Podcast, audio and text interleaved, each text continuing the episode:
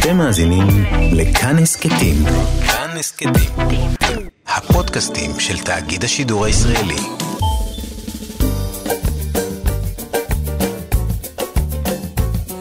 שישים החדש, עם איציק יושע. לחיות בגיל השלישי.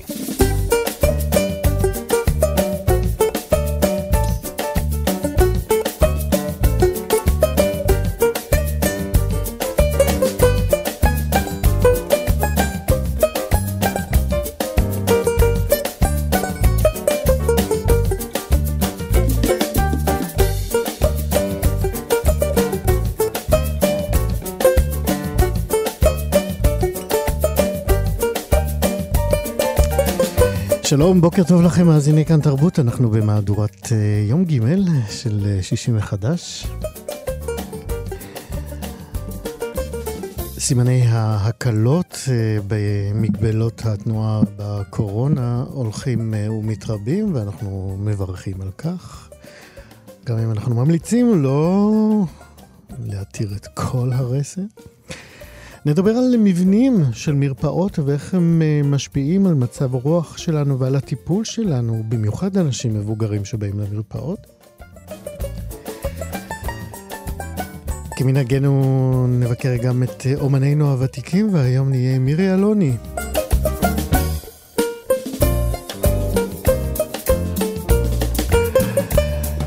ימי הקורונה והבידוד אה, גרמו לרבים מאיתנו שאינם אה, מאושפזים אה, בבתי אבות או במוסדות דיור מוגן לוותר על טיפולים שהם די הכרחיים והימנעות מהם עלולה לגרום נזקים. נדבר על זה כאן עוד מעט. ונבקר גם סבא, נכדה ונין, שאתמול נפגשו לראשונה, כל אלה איתנו עד 12. בצוות הבוקר ברצ'פט ואיתי סופרים בהפקה, אלעד זוהר, טכנאי השידור, אני איציק יושר.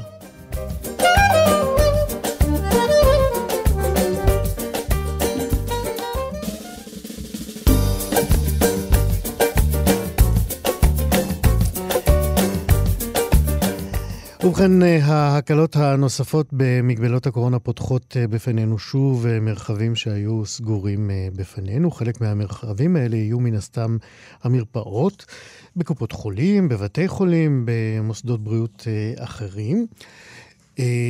מחקרים רבים מצביעים על כך שחוויית הביקור במרפאות היא אחת החוויות, שימו לב, היותר טראומטיות, בעיקר עבור אנשים מבוגרים. יותר מכך, לאווירה בחלל המרפאה נודעת השפעה גדולה מאוד על אופן הטיפול ועל יכולתו של המטופל אה, להתמסר אליו. ואת הדברים האלה מביאים לנו לא, לא רופא וגם לא איש טיפול, אלא דווקא אדריכל. שמו אבי שטרנפלד, שהוא מתמחה בתכנון ובעיצוב של אה, בתי חולים אה, ומרפאות. הוא גם אה, אחראי על המיתוג מחדש של מרפאות אה, מכבי שירותי בריאות, וגם על העיצוב של בית החולים אסותא באשדוד, שהוא בעצם בית החולים, אם אני לא טועה, הכי חדש בישראל. שלום, אבי. בוקר טוב. לפני שניכנס uh, לפרטי uh, עיצוב החללים uh, ולהשקפת העולם העיצובית שעומדת מאחוריהם, אתה אומר שיש מקום, קודם לכל, לשנות את המינוחים. אתה אומר, מעכשיו יאמרו רק מטופלים במרפאות ולא חולים, נכון? אני אפילו לא אומר אה, מטופלים, אני אומר מבוטחים. אוקיי, זה ממש הרחבה. אה, כן. אה, כן, תשמע, קודם כל זה לא, במקרה שקופות החולים שינו את השם שלהם למכבי. שירותי כן. בריאות. כן, כולם זה שירותי בריאות עכשיו. כולם היום נותנים שירותי בריאות, הם גם נותנים שירותים משלימים, כי אתה היום יכול לקבל בקופת חולים דיקור סיני, ואתה יכול לקבל טיפולי אסתטיקה, והרבה דברים שהם פארה-רפואיים ושהם... בהחלט אה, מייחסים אליהם חשיבות ל, ל, לאורך החיים שלנו, ואינם עוסקים בחולי. עכשיו, תחשוב שגברת מגיעה לקופת חולים בשביל אה, בדיקה גינקולוגית אה, חצי שנתית, או, או אדם שמגיע לעשות איזושהי פיזיותרפיה באצבע. הוא לא באמת חולה, הוא לא אמור לעבור במסדרון ולהידבק משפעת מאנשים שמשתעלים שמחכים אה, לטיפול. ולכן צריך לעשות הבחנה. הרבה פעמים, הרבה מהמבקרים שמגיעים אל אה, אה, קופות החולים, אה, למעשה לא באו לקבל אה, טיפול, אה, אלא יותר באו לערוך אה, ביקורת. ולכן אנחנו עוסקים בחוויית המשתמש שלהם. אז בואו ננסה רגע לעשות איזשהו דמיון מודרך ולהגיע אל מרפאה כזאת. אני אה, רק אעצור שנייה ואומר בסוגריים שבעצם, אתה אומר, אה, אה, קופת החולים שינו את מהות הטיפולים, השירותים שהם נותנים, קראו לעצמם שירותי בריאות, אבל לא ממש הלכו עם המשמעויות הפיזיות של הדבר הזה. מנסות ללכת, חלקם הלכו. בסדר, אני, אנחנו יודעים שאתה עושה, אבל האחרים... אה, אה, אה, לא, אני בעניין הזה, זה בדיוק מה שאנחנו, זאת המהפכה שאנחנו מעבירים אותה בשנים הקרובות, והיא תימשך. התפיסה אומרת שאנשים לא צריכים לשבת במסדרונות אל מול דלת של חדר רופא או חדר טיפולים. זה לא ראוי, זה משמש אה, לחץ, אנשים יושבים, מסתכלים על הדלת לראות מתי יגיע תורם ומי יוצא מהדלת ומה הבעת הפנים שלו ומתי תורי ושאף אחד לא יידחף. יתרה מזאת, אם יש גם במקרה דף על הדלת, שאומר מי נכנס בכל שעה, אתה עוד יותר הופך להיות מתוח מתי תורך יגיע, כי הדקות אה, נוקפות ועוד לא נכנסת. ועל כן, שלא לדבר היום... על ההפרה של הפרטיות, זאת אומרת, השם שלך מופיע שם. לחלוטין, לחלוטין. ולכן, הנושא הזה מופנם אה, בשנים האחרונות, והתכנון האדריכלי אה, עוסק בסלון. כלומר, ברגע שתיכנס למרפאה, אתה אמור לשבת במרוכז בסלון המתנה, בדיוק כמו שהיית הולך עכשיו לחברה של טלפון סלולרי, לצורך העניין. ואתה ממתין לתורך במערכת זימון אוטומטית שתקרא לך לגשת לחדר הרלוונטי. כן. אבי, ברשותך, בזה... אני רוצה עוד להתעכב שנייה אחת לפני שאנחנו נכנסים לפתרונות ולמענים המעניינים שאתה מביא. אה, למה בעצם החוויה הזאת, אתה אמרתי את זה בפתיח, למה היא יותר טראומטית לאנשים מבוגרים? אמ, אף אחד אה, לא אוהב, אה, אה, לא אוהב להיות במצב של חולי או במצב שהוא מזדקק לטיפול. כאשר כבר אתה נזדקק לזה, היית רוצה שהטיפול שיגיע לך יהיה כמה שיותר מהר, אישי וטוב. ולכן כשאתה מגיע למרפאה ואתה רואה התגודדות של אנשים, ואתה רואה שהזמן הוא, אה, אתה קבעת תור מסוים, מגיע בתור אחר, למרכיב הלחץ האישי וה, והחרדה שאתה נתון בה גם ככה, מתווסף נדבך נוסף. וכאן יש חשיבות רבה מאוד להוריד את מפלס הלחץ מרגע שנכנסת למרפאה. אתה צריך לדעת שהשעה שנקבעה לך היא נכונה, שהסביבה היא סביבה נעימה, שיש כניסה של אור יום טבעי, שאתה יכול לשבת בניחותא, שאתה לא חושש להידבק מאף אחד שנמצא לידך, לא בתקופת קורונה ולא בתקופה אחרת, ואתה היית רוצה אה, לחשוב שאתה יודע לאן הגעת. אני אתן לך דוגמה אפילו ברמת השילוט. שלטי ההכוונה צריכים להיות עם, עם, עם, עם אה, פונטים שהם אה, בעלי פישוט צורני, ככה זה נקרא בחוק הנגישות. זאת אומרת, הכל צריך להיות... ובשפת בני אדם. אם אתה, אם אני אשים לך שלט שהוא באותיות קטנות מדי, או קשה להבין מה כתוב, כי הגרפיקאי חש מאוד מאוד יצירתי בצורה שבה הוא כותב את האותיות. לחלק מהאנשים, בלי המידע הזה שאתה מקבל כשאתה נכנס למקום חדש, מקנה לך תחושת לחץ. לעומת זאת, אם השלט יהיה אה, בצורה אה, בהירה, באותיות שהן בגודל אה, גדול, ושהצבעוניות היא צבעוניות שמבליטה את האותיות על רקע הקיר, אתה יכול להבין מיד שאתה נכנס איפה זה המזכירות, היכן נמצאים השירותים והיכן נמצא הרופא, בלי שתצטרך לגשת ולשאול שאלות. זה נקרא פישוט צורני. זאת אומרת שלשילוט יש משמעות. יתרה מזאת, עוד לפני בכלל שילוט, כשאתה נכנס לחלל, אתה חייב לדעת איפה אתה אה, אה, אה, נמצא, אה, וזה התמצאות במרחב. ולכן אנחנו משתדלים שה... חלל ההמתנה יהיה גדול ככל שניתן, שיהיו כמה שפחות מסדרונות, ושאל אותו חלל תיכנס תאורה טבעית, או אפילו יש היררכיה בעיצוב אה, בתאורה. למשל, בהמתנות ובמסדרונות אנחנו משתמשים בתאורה שהיא מעט יותר חמה והיא יותר אה, רכה, וכשאנחנו נכנסים לחדר טיפולים, למה אתה, כשאתה אומר יותר... תאורה חמה ורכה, מה מקור האור שאתה מדבר על, אה, למשל בתאורה יש חמה? יש תאורה ישירה ויש תאורה עקיפה. התאורה הישירה זה גופי התאורה שאנחנו רואים בתוך התקרה. Mm-hmm. תאורה עקיפה זה תאורה שאנחנו רואים אותה בתוך קרניזי גבס או בכל מיני אמצעים שאנחנו אה, מקנים איזושהי אה, תחושה של אור חם. יש הרי כל אחד היום שהולך לרכוש לא כן, לא, היום הוא כבר הכל בלדים, אבל, כולם, אבל אוקיי. אנחנו קוראים לזה תאורת אה, אור יום ו- ותאורה קרה. אז בחדר אה, רופא, חדר טיפולים, אנחנו נזדקקים לרמת אור גבוהה יותר וקרה יותר. ובהמתנות אנחנו נזדקקים לתאורה שהיא יותר צהובה, יותר מדמה אה, אה, אור אה, חם. Uh, מעבר לזה, אתה יודע, גם לצבע יש חשיבות רבה מאוד. הקשר בין צבע לאסוציאציה הוא מאוד גדול. אני אתן לך דוגמה, כי אם אני אומר לך uh, על בן אדם שהוא ירוק מקנאה, mm-hmm. או שצבע הקיר הזה אדום כדם, או האיש הזה עובד עבודה שחורה, או האיש הזה עובד, הוא איש אפור. או צהוב משנאה. בין, בין הצ... כן? אז יש קשר ישיר בין הצבע לבין התחושות שלנו. ולכן אם תיכנס למרפאה, אין שום סיכוי שאנחנו נצבע לך קיר בטבע אדום אה, בוהק או שחור, משום שיש לזה השפעה ישירה על התחושות שלך.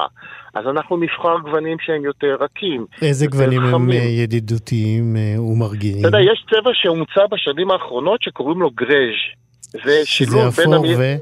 כן, ובז'. ובז', בדיוק. זה בעצם סוג של אפור חם.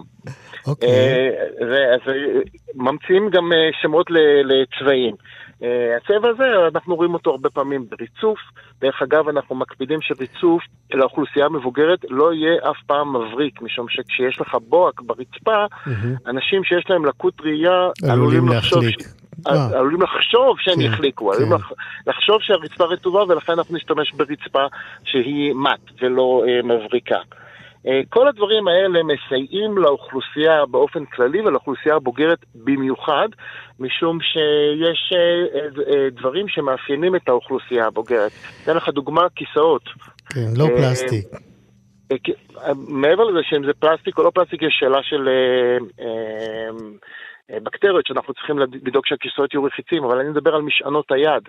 אנחנו מקפידים, גם מכיוון שחוק הנגישות אה, הגדיר את זה, עשרה אחוז מכמות הכיסאות במרפאה צריכים להיות עם ידיות, משום שאנשים אה, בגיל מבוגר אה, נזדקקים לשתי ידיים כדי ללחוץ את הידיות כדי להתרומם מעלה. נכון. אז יש כל כך הרבה אספקטים שדיברנו עליהם וכאלה שעוד לא הספקנו לדבר עליהם, שקשורים בתכנון מרפאה, שהם הרבה מעבר לפונקציונליות נכון. שבה אה, מטפל, רופא, אני, אחות מטפלת בנו. אני רוצה לשאול אותך גם, אה, דיברת כל כך הרבה באמת על התחשבות בצרכים האחרים, הלא בריאותיים של האנשים שבאים אה, למרפאה.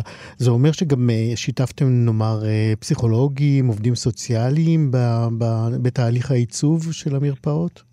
אה, אתה יודע, אני תמיד אומר ש... אה, לא משורר שכותב שירים למגירה, ואני גם לא עושה תוכניות למגירה. אה, התוכניות שאנחנו, במשרד שלי, או האדריכלים בכלל מורגלים, אנחנו לא מתכננים משהו אמורפי, אנחנו מתכננים לבני אדם. אתה מתכנן גן ילדים. זאת אומרת, התשובה שלך היא כן. התשובה היא כן. אנחנו בהחלט, יש צוות מקצועי, ואנחנו uh, דנים איתו עד, uh, עד uh, אחרון האחיות ועד אחרון איש ההחזקה. הרמה שאליה אתה מגיע כשאתה מתכנן, היא יכולה להתחיל עם מנהל בית חולים על איזשהו קונספט, והיא בסוף תיגמר אצל אחרון האנשים שצריך להחליף נורה במנורה, והיא צריכה להיות קלה לתחזוקה והיא יפה. ונותנת את כל הפתרונות. אדריכל אבי שטרנפלד, אני רוצה עוד שאלה אחת, אנחנו חייבים לסיים, אבל יש לי עוד שאלה אחת. אני הופתעתי לקרוא בחלק מהדברים שכתבת, זה שאת כותב שם, לא כל מנהלת יכולה לתלות את הציור של הילד שלה, חייבים קונספט אחיד. האמת זה די הפתיע אותי, מה, מה זה האחידות הזאת? אמ, יש, אה, אנחנו בשנים האחרונות אה, נוהגים להשתמש במונח שנקרא מיתוג. אמ, הרי לא יעלה על הדעת שאתה אה, תיכנס לתחנת דלק למשל, כלשהי, של חברה כלשהי, ופעם אחת היא תהיה בצבע אדום ופעם אחת היא תהיה בצבע כחול. לא, אבל אם רוצים לשים ציור של הילד על יד עמדת קבלת הקהל של אותה פקידה שיושבת שם, זה, זה משבש את, את המיתוג. אה, אני מודה שציור אחד, שאדם אחד שם לעצמו בחדר, לא- אני לא רוצה להיות קיצוני. אבל הרעיון הוא, שלא יכול להיות אה, בליל של פתקים ושמטס וכל דבר שמישהו חושב שהוא אה, יפה לו, לא, לא בהכרח. מתאים לציבור המבוטחים. יפה. אדריכל אבי שטרנפלד, שיחה מרתקת, אני שמח שעשינו אותה. אה, יש לי הרגשה שנחזור אליה מזוויות אחרות. אני מודה לך, ורק בריאות. רק בריאות לכולנו. אני רק נאמר שאתה אה, מתמחה בתכנון ובעיצוב בתי חולים ומרפאות. תודה רבה לך על השיחה הזאת. להתראות. כל טוב, איציק. ביי ביי. להתראות. 60 מחדש. מועדון 70 פלוס. הצלילים האלה מבשרים את השיחה הבאה שלנו עם אה, אחת הזמרות הנפלאות בישראל. נשמע את השיר שלה ואחרי זה נדבר איתה. היה לי אז חלום, נשאר רק געגוע. פרחה יונת שלום, נותר ליבי פצוע. אהובי הלך, כמעט עבר שבוע. קמלו כבר שושניי, אבד להם ניחוח. הייתה לי אז תקווה, נותרתי בלי מנוח. עם בוקר אתעורר,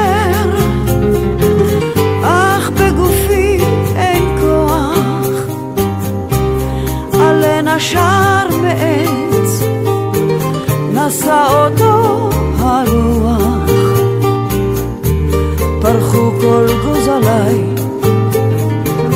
אין ציץ ואין תפוח, ורק שני מיתריי נוגנים בלי הרף, אותו ניגון ישן מזכיר לי את הדרך, זו דרך התקווה. זה החלום של פעם. ידעתי אל נכון, כי לחיים יש טעם. זו דרך התקווה, זה החלום של פעם. עד כלות נשימתי,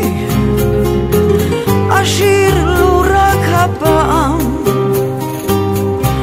מאיפה זה הכוח לחלום עוד לקוות בכל כוחי הדל אני אשיר עד כלות.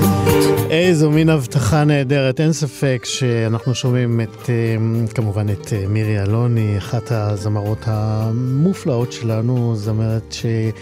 פרצה אלינו אי שם בלהקת הנחל בסוף שנות ה-60, והיא כבר uh, למעלה מ-50 שנה איתנו כאן. Uh, אפשר לומר שהאתוס, הסיפור הישראלי, uh, לא שלם בלי מירי אלוני ושיר לשלום, למשל.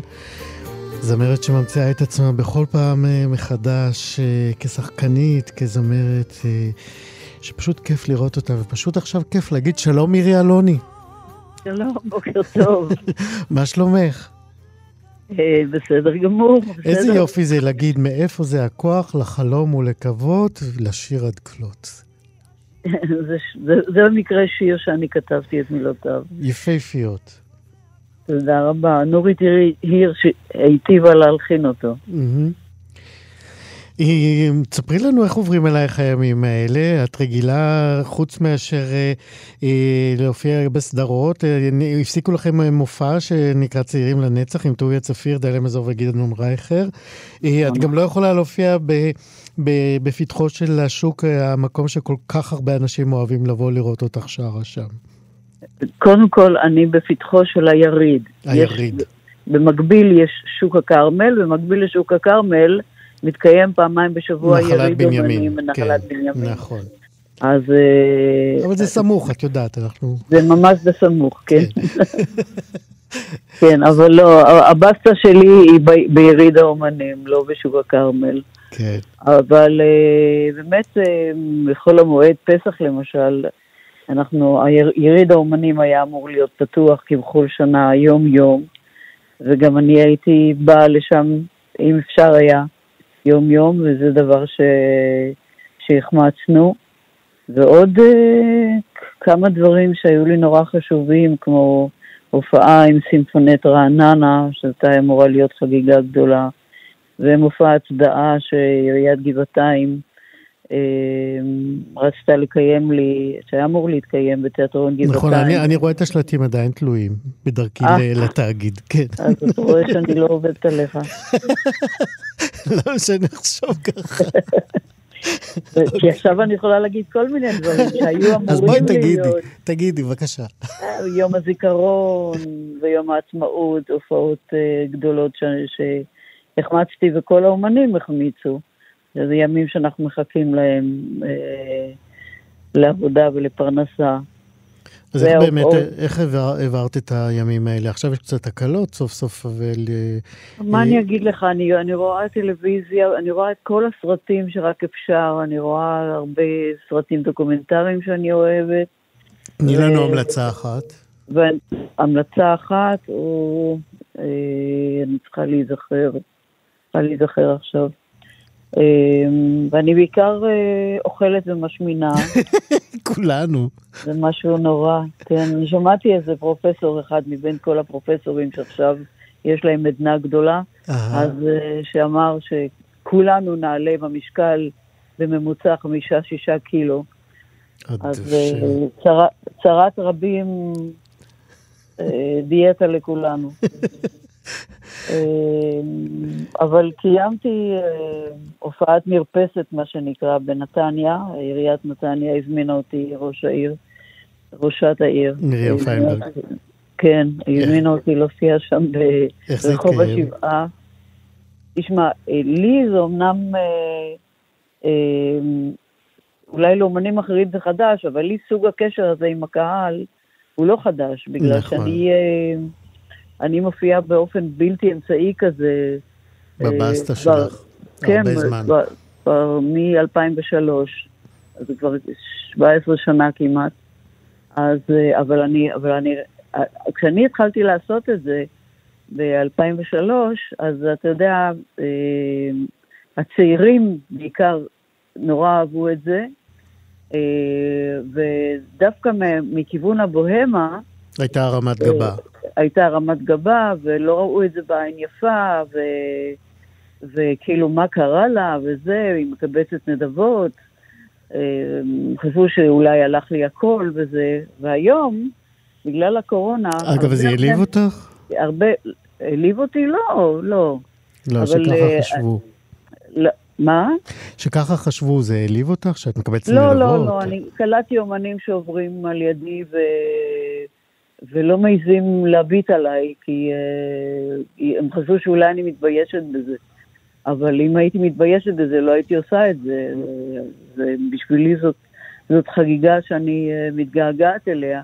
אני מקווה שנוכל לחזור לעשות את זה בעוד uh, שבוע, שבועיים. תסמני איקסים במרחקים של שני מטר כן, לכל כן. אחד מהקהל. נכון, ואני אלביש עליהם מסכות. אמ, אבל מה שרציתי להגיד זה שפתאום אומנים, קולגות שלי, גילו את ה... היום, כשאפשר היה, בתקופה האחרונה, כשאפשר היה לשיר רק ברחוב, או מהרחוב, מהמרפסת לקהל, או מ- מה- מהרחוב למרפס, למרפסות, גילו כמה שזה נחמד וכמה שזה יפה ו- וכמה שיש בזה אה, משהו אה, מרענן. נתינה ושליחות. כן. זה דבר שאני מרגישה אותו כבר שנים רבות, את העשייה הזאת, את השליחות שבעשייה הזאת, לתת, אה, ולאו דווקא אה, למען קבלת תמורה. מירי, בשנים האחרונות אנחנו למדנו להכיר פן שקצת הסתרת אותו קודם, זה הפן שלך כשחקנית קומית מדהימה. אה, מה יותר כיף לך אה, בתפקיד הזה או כזמרת? לא, זה לא פייר לשאול, כי כיף לי בשני הדברים. זה פייר לשאול, תעני מה שאת רוצה. ממש כיף לי בשני הדברים. אני, אני, אה, תראה, זמר זה דבר מולד, זה כישרון מולד. אה, מה שנקרא, I, I can't help it. אני נולדתי זמרת, וזאת השליחות שלי, וזה מה שאני אה, אה, יודעת לעשות באופן כל כך אה, ספונטני. אה, כשחקנית, שחקנים, אה, אני חושבת שכישרון בכלל זה דבר מולד, אבל אה, שחקן, כל, כמעט כל אחד יכול להיות שחקן. אה, אני נורא אוהבת לשחק, מאוד מאוד אוהבת לשחק, כי יש, יש, יש, יש, יש בעניין הזה את היכולת להראות כל מיני, אה, להוציא לאור ולבטא כל מיני צדדים שחבויים בך פנימה, כי בכולנו יש את הכל. גם את המלאך וגם את הרוצח. איך זה בא לידי ביטוי למשל בצומת מילר? אך, צומת מילר זה כיף לא רגיל. עם אדיר מילר, צריך להזכיר, כן? אמ, אני- היית שם אימא שלו. נכון, אבל לפני כן, לפני כן שיחקתי ב, בסדרה שנקראה להרוג את הסבתא. מהמם. זאת הייתה דמות של רומניה שעלתה לארץ כילדה, ואבא שלה הבריח יהלומים, קנה אדמה ב- בתל אביב, אדמה שהפכה להיות מאוד מאוד יקרה, ומציעים לה 20 מיליון אה, דולר על האדמה הזאת, והיא לא מוכנה למכור כי כל המשפחה גרה מסביבה, והיא לא רוצה לוותר על ההגמוניה אה, והשליטה שלה במשפחה שלה. ו- והבנים שלה רוצים להרוג אותה. זה נקרא להרוג את הסבתא. התפקיד הזה שעשיתי אותו אחרי 30 שנה שלא הייתי, אה, שלא עשיתי כלום כשחקנית, אה, זכיתי באוסקר הישראל- הישראלי, נכון. וזה זה. היה ממש כבוד גדול. וגם אה, לאחרונה הצטרפת לחידוש של אה, שיר ישן אה, של להקת פיקוד הצפון, דיינו, ביחד עם טלמה אליגון, שכתבה את המילים, נכון, ועם כן. חיים ועוזי אסנר, ועוזי פוקס, וססי קשת. איך זה קרה? גם יזהר כהן, נכון? כן, צילמנו את זה בסגנון, ה, בסגנון הקורונה, מה שנקרא. כל אחד הצטלם מה, מביתו, מחצרו, והיה צלם שבא וצילם אותנו, ושרנו ממש בלייב. צילם ואנחנו שרנו באמת. אה, ויצא, התוצאה יצאה מאוד יפה. נכון. מירי, אנחנו לקראת אה, סיום השיחה הזאת, אני, אה, כיף לי, אה, יכולתי להמשיך, אבל יש לנו עוד תוכנית. ביקשתי ממך לבחור שיר שבעינייך ראוי להשמיע אותו בסיום שיחה כזאת. מה בחרת? אריק איינשטיין. כן, אבל לפני זה אני רוצה להגיד לך עוד משהו. בבקשה, כן. אה, אחד הדברים שמאוד אהבתי אה, בתקופה הזאת, את הבדיחות שרצו בוואטסאפ. אה, אוקיי. תני אחת. היו בדיחות נהדרות. אה, הבדיחה שהכי, שאולי היא, לא הכי מצחיקה, אבל היא הכי מאפיינת את התקופה הזאת, שכולנו עם מסכות וכפפות בחובה. אז אה, אחד מצלצל הביתה ואומר, אה, אמא, אני בסופרמרקט. אז היא אומרת לו, אה, יש לך, יש עליך כפפות ומסכה? אז הוא אומר לה, כן, אני עם כפפות ומסכה, אמא, מה לקחת? היא אומרת לו, קח את הקופה. יפה. אז אנחנו עם אריק איינשטיין, אה, אז אנחנו עם? אריק איינשטיין. נו- נורא היה קשה לי לבחור שיר, אבל החלטתי ללכת על השיר הזה. אה, אני ואתה נשנה את העולם, כי אני חושבת שהקורונה הזאת אה, תשנה בנו, שינתה בנו קצת דברים, כל אחד עם עצמו, וגם אה, בכל העולם, בין מדינות. אה, אני מקווה שזה יעשה שינוי לטובה. הלוואי. מירי אלוני, אנחנו מקווים לחזור לראות אותך בקרוב על כל הבמות שאת נמצאת בהן, אה, ושנמשיך ליהנות ממך עוד אה, המון המון שנים. תודה רבה, אני ושאר האומנים וכל לגמרי. האנשים שקשורים בבמה. לגמרי. תודה רבה, מירי אלוני. תודה רבה, תודה, להתראות. אוהבת אתכם. ביי ביי. ביי. שישי מחדש. הבשורות על ההקלות אה, בריחוק אה, ובבידוד החברתיים דווקא מאירות אה, עוד היבט בחיי הזקנים במהלך ימי הקורונה האלה. דיברנו לא מעט על הקשישים בבתי האבות, במוסדות, במוסדות הדיור המוגן או מוסדות השיקום למיניהם, אבל צריך לזכור שיש עוד שכבה רחבה מאוד נוספת של זקנים שהמשיכו להיות בבית, כי הם לא צריכים להיות לא בדיור מוגן ולא במקום אה, אה, אשפוזי, אה, אבל גם להם יש צרכים רפואיים שצריכים לקבל מענה בבית, לא מצריכים אשפוז, אבל בהחלט מחייבים המשך טיפול, שבגלל ימי הקורונה האלה הוא נעצר וחייבים לבדוק את ההשלכות שלו.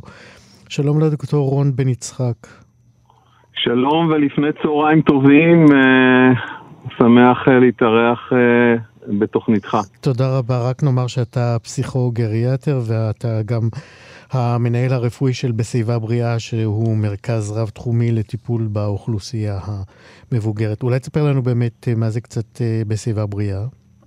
אוקיי, אה, אני מומחה בגריאטריה, ואני הקמתי עם השותפה שלי, את אמירה פז, את מרכז בשיבה בריאה בשנת 2012, אה, עם חזון שאנחנו אה, רוצים לשפר את איכות החיים של האדם אה, המזדקן או הזקן אה, בביתו, אה, מתוך אה, מחשבה להשאיר אותו בקהילה. אה, הרעיון הוא אה, בעצם אה, לשמר את אה, איכות החיים אה, בסביבה הטבעית. אה, ובעצם אה, כל מה שמקבלים בדיורים מוגנים אה, מבחינת אה, שימור אה, והפעלה, אה, אנחנו אה, למעשה מספקים אה, בבית, לפי הצרכים של אה, האנשים. אה, כשבעצם אה, אמרתי דיורים מוגנים, אך אה, הכוונה היא גם אה, למוסדות גריאטריים. אם אה, אנחנו מדברים על מחלקות סיעודיות, או מחלקות אה, לתשושים, או מחלקות לתשושי נפש, אה, בהתאם לצ- לצרכים של האדם, אנחנו מתאימים לו תוכנית טיפולית. בבית קוראים שלו. לזה בביתו, בהחלט. כן. אה, כמובן שחייב להיות אה, גורם מטפל בבית, אה, שזה עובד זר. אה, או מטפל אחר. או מישהו שהוא מתפקד, גם, רק פתאום יש לו קשיים בהליכה. נכון. אז בוא אז, נדבר אה, באמת על המפגעים או על אה, אה, אה, מחלות, או, או אתה יודע, או מחלות זמניות שצריכות לקבל טיפול וקצת לא קיבלו טיפול בגלל אה, ימי הקורונה. נכון, אה, אני רק רציתי אה, לספר שבשיבה בריאה המרכז שלנו אה, נמצא אה, במרכז תל אביב, אה, בד- בדיזינגוף סנטר, אה, ויש לנו שתי שלוחות, אחת בירושלים בגבעה הצרפתית והשנייה אה, ברמלה. אה, ובאמת אה, בהתייחס אה, למחלות, כידוע, אנחנו, ככל שאנחנו מתבגרים, יש לנו פחות ופחות רזרבות. ומחלות כרוניות, ככה, כל עוד הן מאוזנות, אז אנחנו מתמודדים איתן, עם היכולות שלנו. ברגע שנכנסת איזושהי מחלה או סטרס חריף, ובהחלט המצב הזה של הקורונה, גם בלי להיות חולה בקורונה, אה, הכניס איזשהו אה, סטרס אה, שהתבטא בעצם בבידוד, אה, והבדידות הזאת היא אה, בהחלט אה, מבחינה רגשית או מנטלית, אה, הביאה את האנשים לאיזשהו אה, סטרס. הסטרס הזה אה, בהחלט אה, משפיע על שתי מערכות, אה, גם על המערכת הקוגניטיבית-חשיבתית וגם על המערכת המוטורית הפיזית, אה, כך שבעצם אה, גם אנשים אה, לא הורשו לצאת מביתם, אה, כך שגם הנושא הזה של אה, הליכה, שהיא בהחלט משמרת יכולות אה, פיזיות וקוגניטיביות, גם הנושא הזה הידרדר אצל אותם אנשים שישבו כשישה, שמונה שבועות בבית, מבלי לצאת מהבית ומבלי להיפגש עם בני המשפחה ועם חברים או... כן. איזה, איזה עוד טיפולים שהם ניתנים במסגרת הבית נמנעו מאותם זקנים שצריכים אותם? אז באמת אנחנו מציעים מגוון רחב של טיפולים, כמובן ההיבט הרפואי, ההיבט הסיעודי, ההיבט הקשור להפעלה תעסוקתית, לאימונים קוגניטיביים, אנחנו נותנים גם uh, טיפולים פיזיקליים. אה, אנחנו נותנים תרפיות שונות. אתה יכול לספר לי על... כן, אתה יכול לספר לי על אנשים שהיו צריכים את הטיפול הזה במהלך הימים האלה, לא קיבלו אותו, ועל ההשפעה של זה על אה, מצבם הבריאותי, גופני, אה, נפשי? כן, בימים אלה אני מבצע ביקורי בית אצל מטופלים שלנו שקיבלו באופן, נקרא לזה שגרתי, מספר טיפולים במהלך השבוע. אה, ואני רואה יותר ויותר אנשים שסובלים ממצב שאנחנו קוראים לו deconditioning. אה, זה בעצם דלדול אה, של יכולות פיזיות וקוגניטיביות, והם בחלקם סובלים מאפתיה, והם פחות ופחות מתקשרים, ואצלם פחות ופחות אתה מזהה את זיק החיים, מה שנקרא פחות ופחות אנרגיה. אה, אצל חלק מהם אה, זה קשור למצבים רפואיים אה, כמו דהידרציה או התייבשות, ובחלק מהם זה קשור למצבים רגשיים, מנטליים, כמו התפתחות של דיכאון. גם נושא של נטילת התרופות שלא היה באיזון במהלך התקופה הזאת, כידוע לכם, המטפלים העיקריים הם אלה שנותנים את התרופות, ואנחנו אה, נמנענו מלהיכנס לבתים, אה, לבצע בקרת תרופות. אה, לפעמים נגמרה תרופה כזו או אחרת והבן אדם נקלע לאיזשהו מצב שהוא לא מקבל את התרופה שהייתה לו מאוד חשובה במשך מספר שבועות. להערכתך אנשים הגיעו לכדי סכנת חיים? אני חושב שאצל אנשים זקנים הנושא של אובדן תפקוד ירידה תפקודית, אה, התפתחות של פצעי לחץ כתוצאה ממוביליזציה, מחוסר אה, ניידות, אה, בהחלט אה, מובילים לתחלואה גבוהה יותר, ובהמשך גם לקיצור אה, אה, משך החיים. אנחנו בגריאטריה בכלל מדברים על אה, אה איכות חיים. אה, אנחנו מדברים יותר על, אה, על סבל, אה, ואני חושב שאנשים נמצאים אה, כרגע יותר במצב של סבל אה, כתוצאה מהמצב הזה, אה, והם צריכים אה, פשוט אה, שירותי קימום, ככה אנחנו קוראים, ככה אנחנו מגדירים את, ה, את השירותים שאנחנו נותנים, שעוזרים לבן אדם בעצם לקום על הרגליים. ולחזור לדרגת תפקוד ובגד... קודמת. ובגדול להחזיר גם את כל המטפלים שהפסיקו להגיע. בהחלט. כן, הדוקטור אה, רון בן יצחק, אה, המנהל הרפואי של בסביבה בריאה, אני מקווה שהימים יחזרו לאיזושהי שגרה שבה הזקנים יוכלו לקבל את הטיפולים שמגיעים להם, גם אם הם לא בדיור מוגן, אלא ממשיכים להיות אה, בביתם המגן והמיטיב. תודה רבה על השיחה הזאת. תודה לך. להתראות. להתראות. שישי מחדש, ביקור בית. ועכשיו אנחנו שמחים אה, לעשות ביקור בית אצל אה, שלמה מלכיאור. שלום שלמה. שלום וברכה. מה שלומך? תודה, מצוין. אנחנו נספר למאזינים שלנו שאתה דייר בבית ההורים אה, פנחס רוזן, וגם איתנו נמצאת על הקו הנכדה שלך, שלום ענבל יודייקין. שלום. מה שלומך? בסדר גמור, מה שלומכם? ועכשיו אנחנו נספר לכולם שנפגשתם אתמול סוף סוף. נכון. סבא, איך זה היה?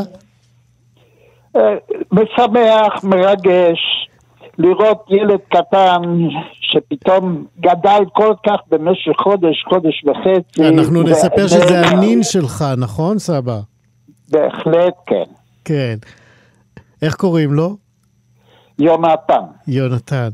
ואיך אה, נפגשתם אה, ממש פיזית או גם כן במרחק? לא, עם מחיצה. עם מחיצה. ו- והיה קשה להתאפק? אבל לא? מחיצה, מחיצה שהיא אה, שקופה כמובן. כן. וזה היה קשה להתאפק לא לקחת את הנין החדש הראשון על הידיים?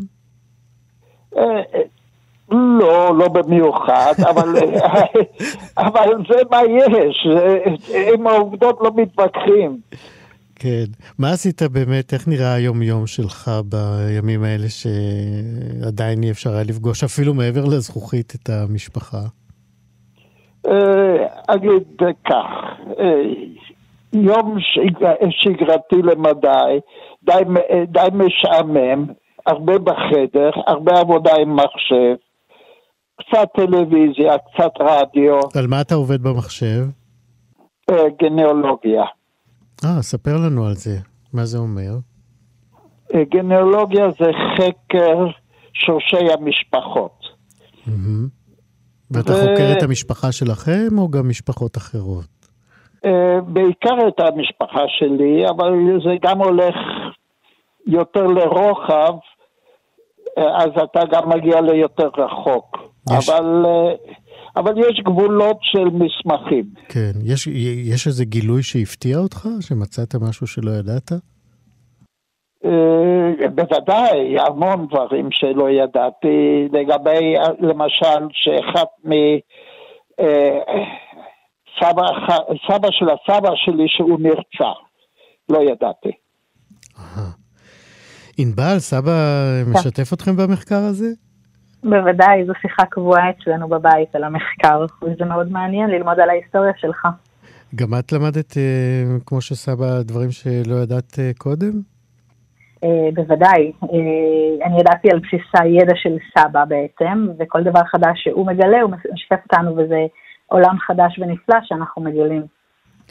אז אמרתי שנפגשתם אתמול, סבא אומר שהוא היה מאופק יחסית, אה, איך זה עבר עלייך?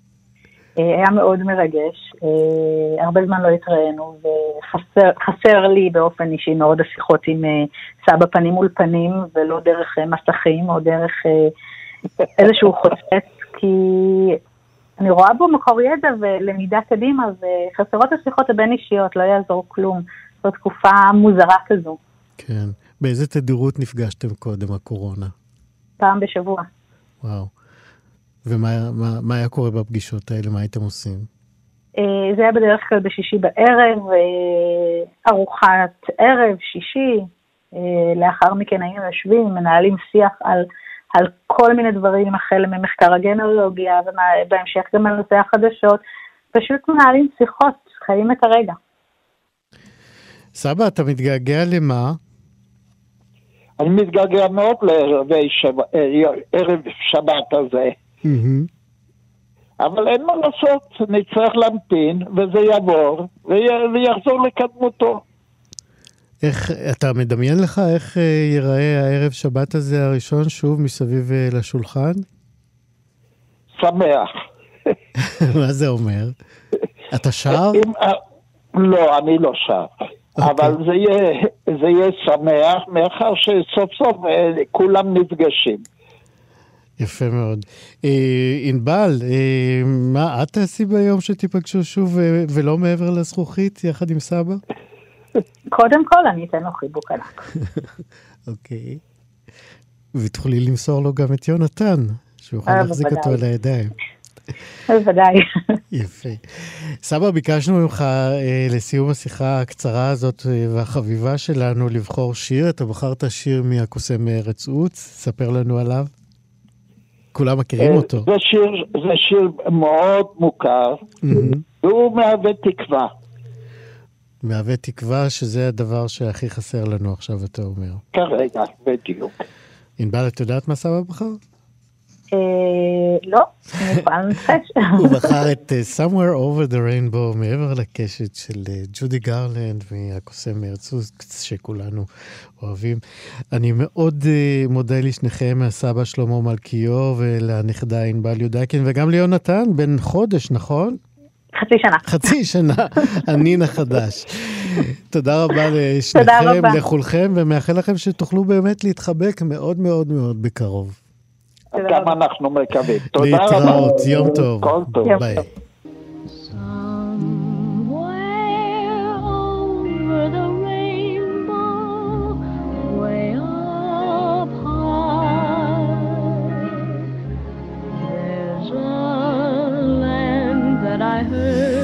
עם הצלילים הקלאסיים האלה של אה, ג'ודי גרלנד, אנחנו מסיימים אה, עוד שעה של אה, שישי מחדש. תודה רבה לאלעד זוהר על הביצוע הטכני, תודה רבה לברט שפט ולאיתי סופרין בהפקה. אחרינו מה שכרוך, יובל אביבי, מיה סלע. אני איציק יושע, נתראה כאן ביום ראשון. ביי ביי.